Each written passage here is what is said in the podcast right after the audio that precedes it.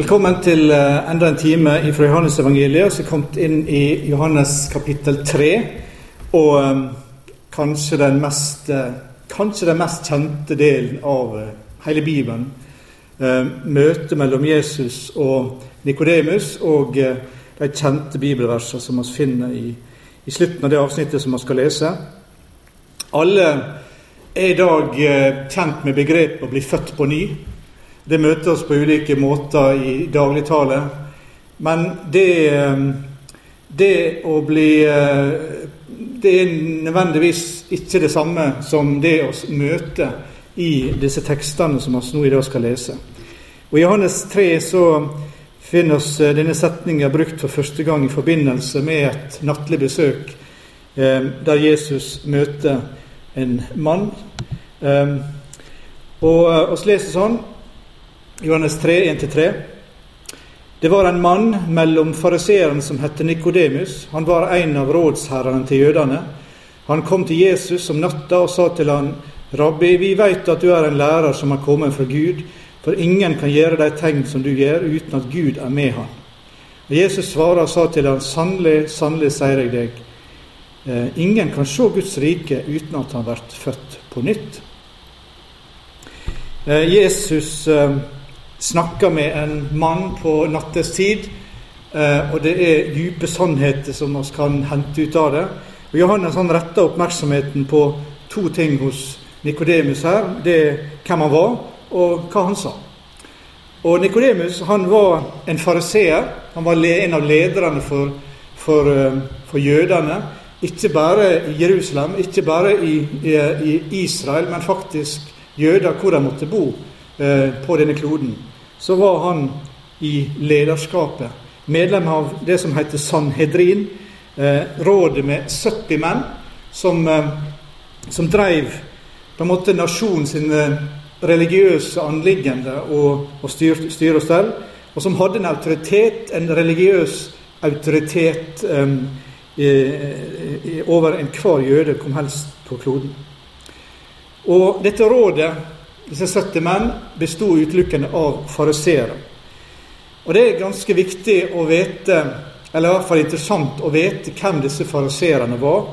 Noen, eh, hvis det var noen gang ei gruppe som kunne kalles for religiøse fanatikere, så, så var det disse.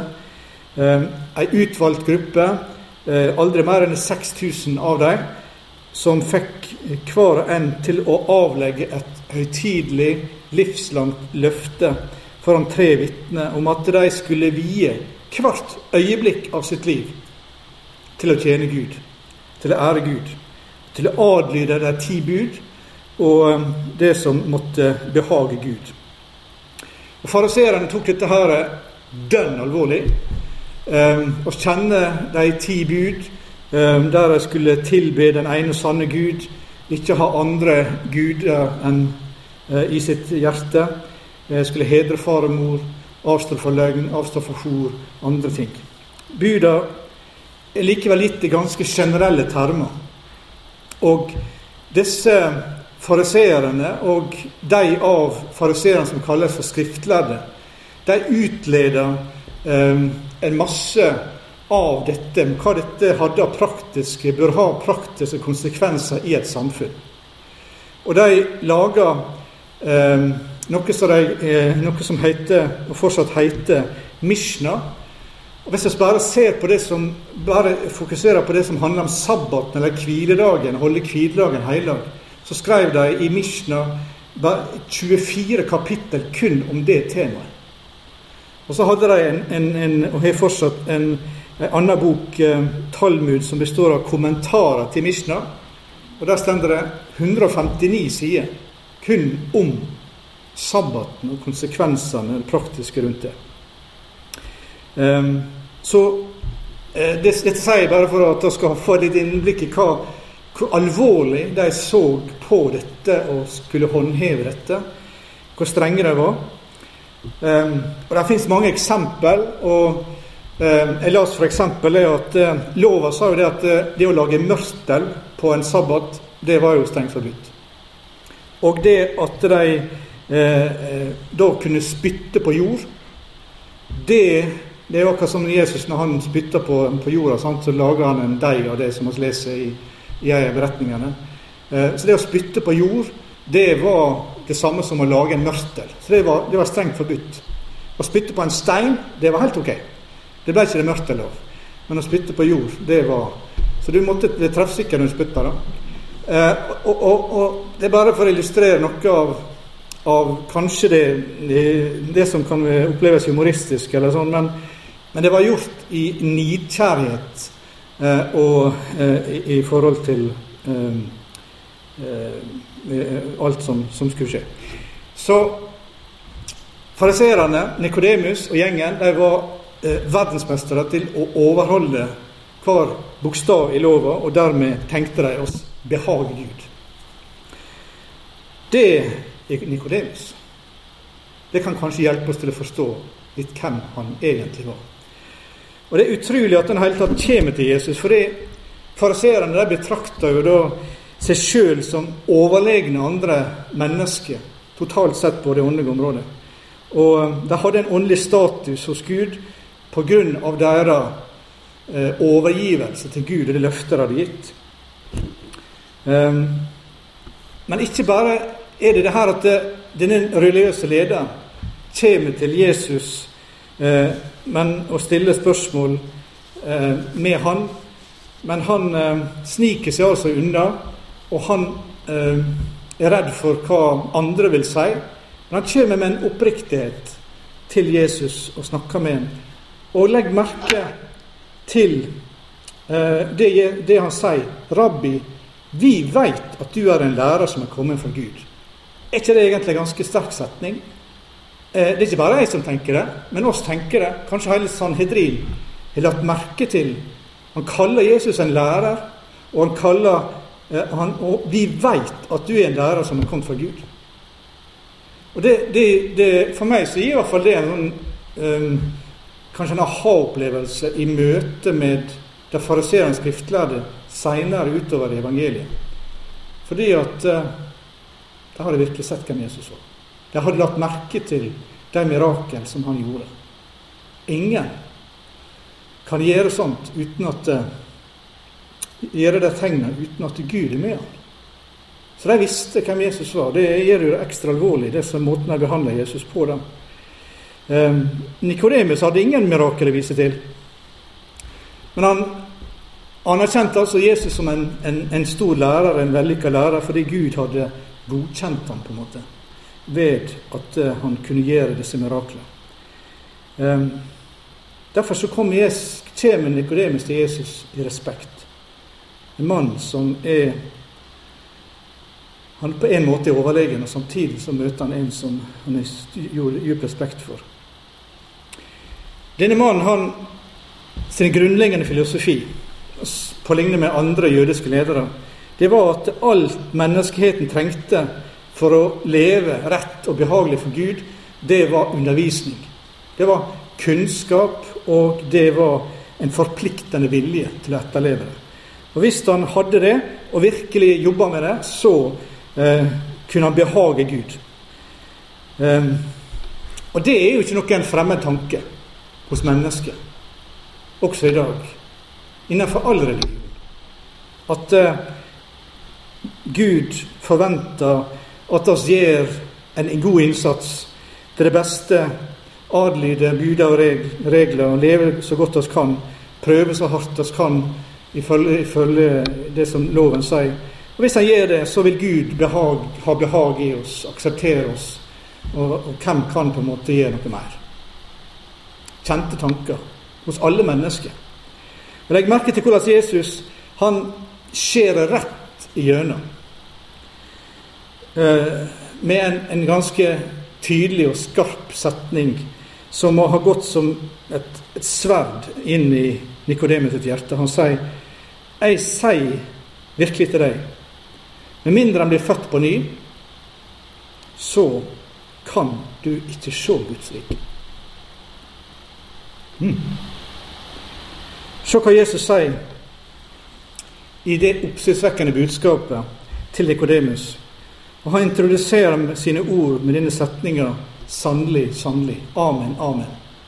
Og jeg har lært um, at uh, når Jesus sier det, så, så, så, så vær oppmerksom. Nå, nå kommer noe viktig.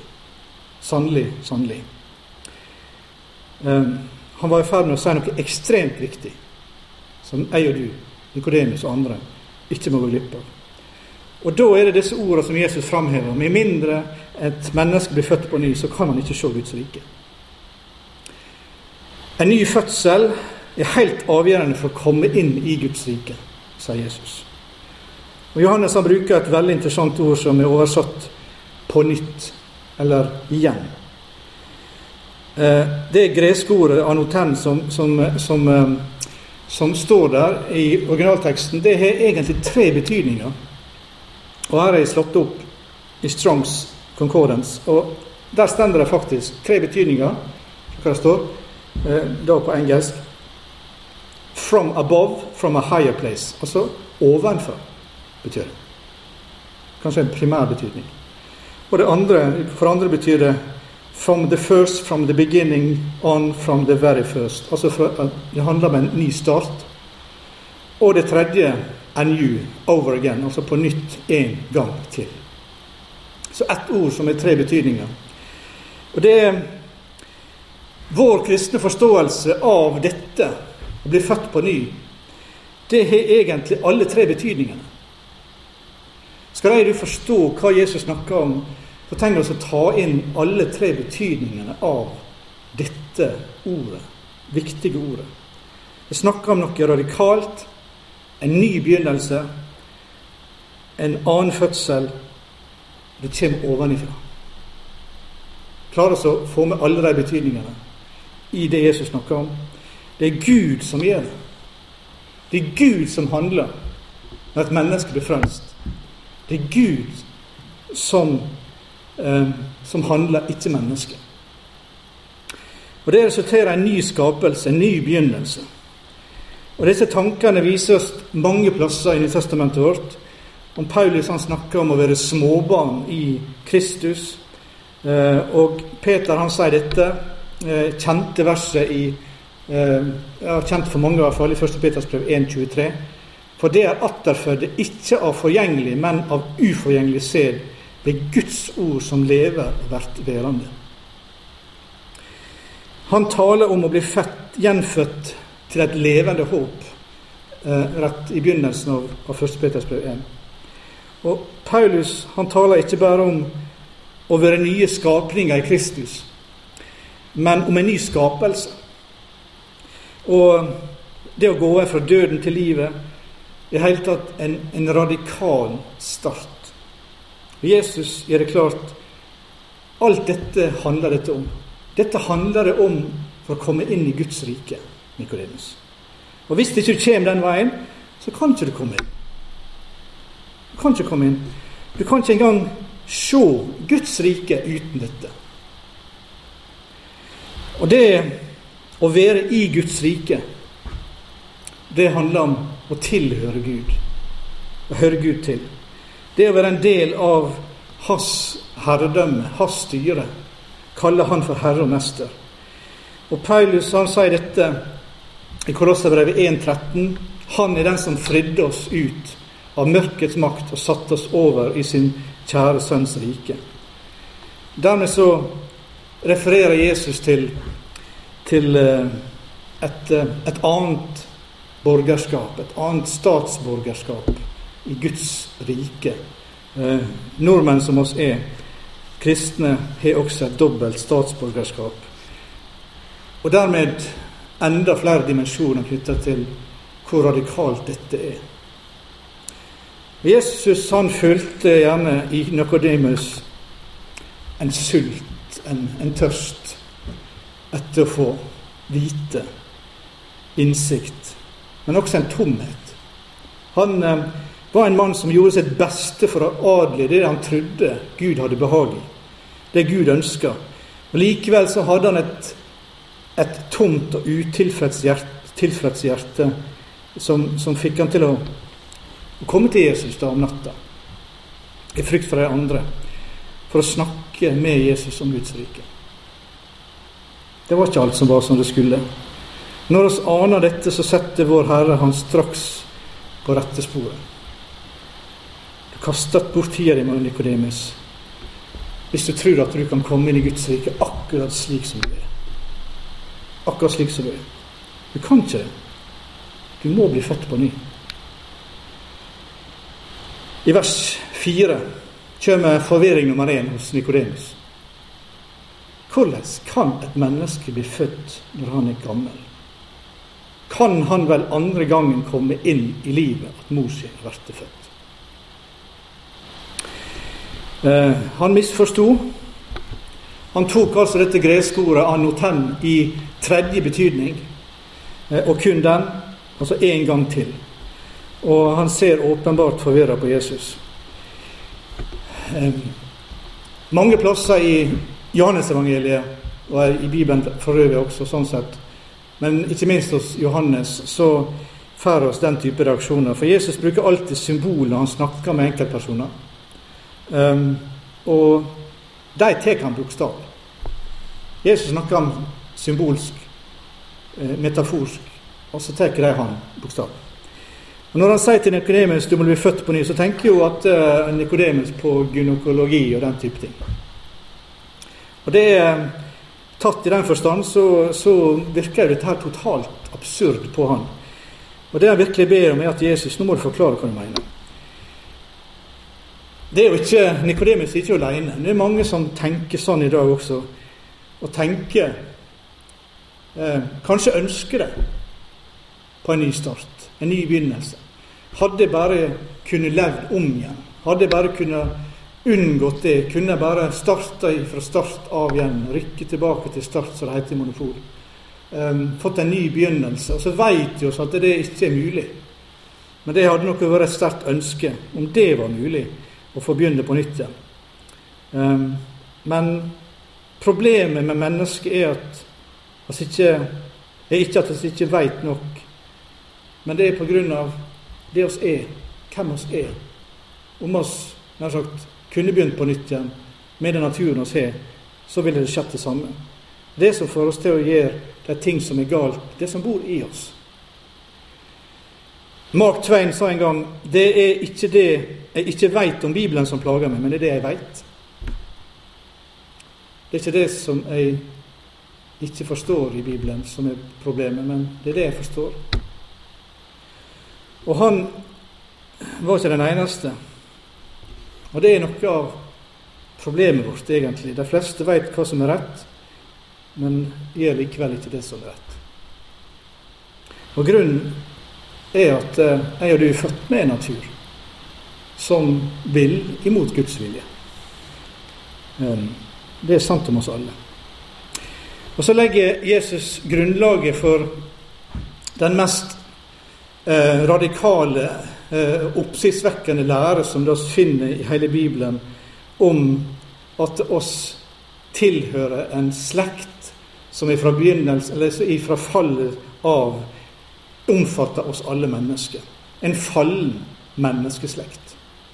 Og oss kan kverulere, og oss kan eh, eh, til og med ironisere og latterliggjøre begynnelsen av Bibelen og hvordan det skjedde der. Eh, men ingen av oss kan fornekte resultatet, konsekvensen av det som skjedde. Og at oss lever konsekvensene av det liv, den verden vi lever i, er at oss leve i en, i en fallen verden. Med all vondskap som, som er synlig og usynlig mellom oss. Det er vårt grunnleggende problem. Og det er hvem vi er, som er problemet. Ikke så mye hva oss gjør eller ikke gjør, men hvem vi er. Og Nok en gang så innleder Jesus sitt svar med disse ordene sannelig, sannelig. Vær oppmerksom på dette. Det sier til deg, og til oss. Ingen kan komme inn i Guds rike uten at de har vært født av vann og ande. Det som er født av kjøtt, er kjøtt. Det som er født av anden, er ånd. Ikke and. Undra deg ikke over at jeg sa til deg, det må fødes på nytt. Vinden bles dit han vil. Du hører han suser, men du veit ikke hvor han kommer fra, og hvor han fer av. Såleis er det med hver den som er født av Anden. Jesus er her, og så svarer han på Nikodemos spørsmål hvordan kan en mann bli født når han blir gammel. Ved vann og ande, svarer Jesus. Ut ifra sammenhengen og ut ifra eh, den store konteksten så, så, virker det tydelig at Jesus snakker om dåp. Johannesdåpen var jo eh, det, det, store samtaleemnet i Jesus samtid. Eh, hele nasjonen på en måte snakka om det. Alle snakka om det. Og fariseerne hadde sendt en, en delegasjon les oss til, ned til Johannes ved Jordanelva for å spørre han hvorfor han døpte. Betydninga av Johannes' sin dåp var den store snakkisen. Det Jesus og mener, det er det som dåpen betyr. Det er ikke vannet som forandrer noe. Du kan nok bli rein og lukte mindre av, av, eh, av det, men det er ikke det annerledes i Guds øyne. Men hva da? Vår lutherske bekjennelse lærer at det er Gud som handler. Og det er noe av dette med å bli født på ny, den dimensjonen ovenfra, som det er så viktig å få med oss. Han gjør det ved sitt ord og ved sin ånd. Og så er alt lest fra 1. Peters brev om det er atterfødde, ikke av forgjengelig, men av uforgjengelig sæd, ved Guds ord, som lever og blir værende. Og Jesus sier til læresveinene i Johannes 15 det er alt reine på grunn av det ordet jeg har talt til deg. Slik arbeider Gud. Slik arbeider Gud. Ikke det jeg og du ser, men det er det Han gjør, og det Han ser. Det eneste som hindrer folk flest i å bli født på ny, er at en ikke vil innrømme sine behov. De vil ikke innrømme at det er noe utgangspunktet galt et problem med meg. Klamrer seg til ideen om at det er noe godt i oss alle, noe som Gud vil akseptere. Og hvis den er god eller ikke, i hvert fall mer god enn en fæl, så vil Gud åpne, og Sankt Peter gjerne, porten og slippe oss inn. Sånn er den allmennreligiøse tenkning som ligger djupt i vårt eget folk. Nei, Bibelen sier jeg og du trenger en frelser. Vi trenger en frelser. Vi kan ikke gjøre noe som helst for å bli frelst. Ingenting. Jeg og du må la oss frelse ved et Guds inngripen som et hjelpeløst barn som blir båret til ham. Og Når en mann eller en kvinne eller en gutt eller en jente innrømmer at vi trenger hjelp. Vi trenger hjelp og kommer til Jesus. Så er det at Gud handler. Og Ånden gjør noe. Gud gjør det ingen kan gjøre. Han gir sitt eget liv til denne personen. Tross alt. Hva er en fødsel? Det er flere damer her. Hva er en fødsel? Og jeg fikk lov å komme og se etter hvert også hos mannfolk. Når en mann og en kvinne får et barn, hva har de gjort? På en bemerkelsesverdig måte så har de på en måte overført sitt liv til et nytt liv. Og det er det Gud gjør. Gud handler. Gud handler på mirakuløst vis et under fra Guds side. Mens Jesus fortsetter, så indikerer han at det er en klar og en radikal forskjell mellom den gamle og den nye fødsel. Han sier det som er født av kjøtt, er kjøtt. Det som er født av ånden, er ånd. Så hvor får, hvor, eh, hvor får du fra din første kjødelige fødsel? Er du får en kropp, en levende kropp, kommer ut av mors liv. Og så, hva får du fra en ny fødsel? En åndelig førstfødsel. Ja, du får ei levende ånd. En ånd som Gud har skapt, som er levende. Og det er det som Paulus også skriver flere plasser, f.eks. her i begynnelsen av Feserbrevet 2. Det òg har han gjort levende, det som var døde av misgjerningene og syndene deres. Det er kun Gud som kan gjøre levende. i ånden. Og Det er ganske åpenbart at det ikke spiller noen rolle hvor hardt og du prøver, eller andre mennesker prøver. Hvis du ikke har Guds liv, så kan du ikke leve på en måte som behager Gud. Det er ikke noen måte å gjøre det på. Samme hvor oss prøver, prøver å endre vår natur, en fallen natur, for å behage Gud, så nytter ikke det. Nikodemus, dette må du tro glipp av. Det er det han forteller Nikodemus. Og Til slutt så indikerer Jesus da på en, en, en bemerkelsesverdig måte at den nye fødselen vil resultere til et helt nytt, en ny livsstil. Da han snakker om, om, eh, om, om vinden som blåser. sant? Og det vet oss alle oss kan jo høre på værmeldingene, og de kan slå til og ikke slå til. Men det er jo eh, vindretninga og hvor den kommer, fra, kommer til, det er fortsatt det samme som det var når de to her satt og snakka. Eh, kan ikke styre det, regissere det. Men det er slik livet til noen som blir født på ny, vil være. En ny herre som leder sitt folk, som leder de som, som hører ham til. Og hva han vil lede oss til, kan ikke oss vite. Og hva Ånden vil lede oss til, kan ikke oss vite. Men det er godt å følge Gud, og meningsfullt å følge Gud. Gud vil lede oss, og slik også med alle som er født av Ånden. Og nok en gang så er altså eh, Nikodemus forvirra. Forvirring nummer to. Hvordan kan dette skje, da, spør han.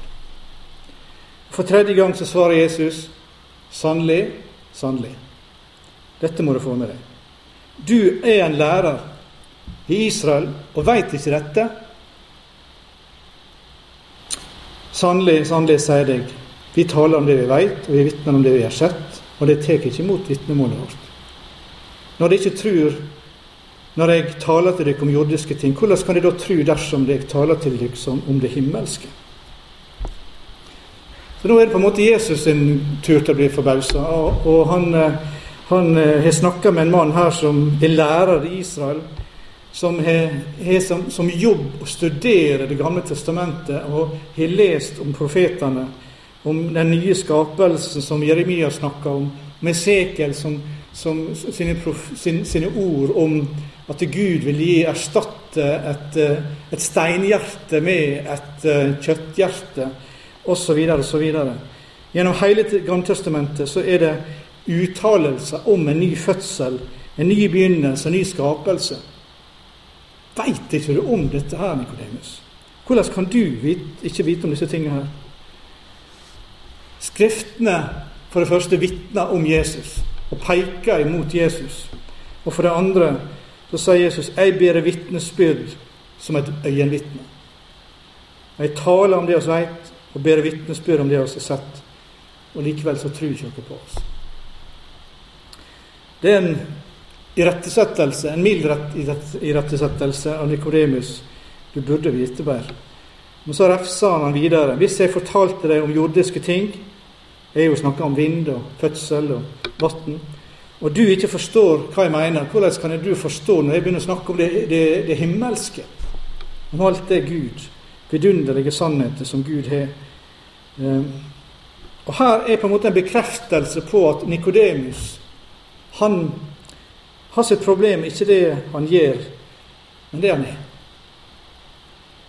Jesus gir så resultatet ved disse kanskje mest kjente versene i hele Skriften, hele Bibelen. Og forteller dette. Ingen har steget opp til himmelen uten Han som har steget ned fra himmelen menneskesonen som er i himmelen. Dette er det vi kaller inkarnasjon, det som Johannes evangeliet begynner med. Gud som blir menneske. Og måten dette ordner seg på i, i en historisk eh, manifestasjon av Guds inntreden som menneske. Menneskesønnen, som Daniel snakker om. Nå er han kommet. Nå er han her. Det er aldri skjedd det kom ned fra himmelen. Jesus var vitne til Guds sannhet. Og det andre i vers 14. Og liksom Moses løfte opp ormen i øydemarka, så skal såleis skal menneskesønnen løftes opp. Og Her finner vi altså en referanse til det som skal skje tre år etterpå. Jesu kors på Golgata. Da israelsfolket ble bitt av giftige ormer som følge av sitt opprør mot Gud. Og Gud sendte inn slangene som dukka opp i leiren. Og de ble døde. De døde som følge, mange døde som følge av det. Så ble altså Moses bedt om å ta ei stang og lage en kopperorm og sette den på den, og la folket kunne se den og se opp til den. Når de gjorde det, så ble de friske. Når de slutta å se bare på seg sjøl, men i sin nød så opp til denne kopperormen, så var det frelse.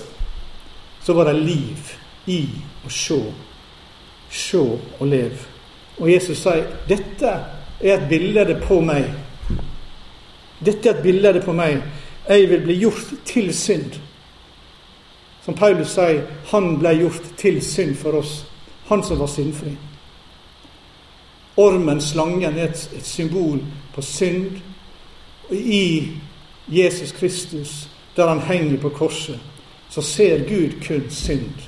For all mine dine synder ble lagt på han. Han ble vår slange som ble løfta opp, slik at oss kan opp til han. Se og leve. Fordi han er kun det eneste håp vi har om frelse. I Han er det frelse. Løft blikket ditt. I stedet for å dø, i stedet for å gå fortapt, se opp på Jesus. Når du ser eh, det skjer, så vil du se på meg og tro at jeg døde i din sted, for din skyld. Og Gud vil tilgi dine synder og rense deg fra all urettferdighet.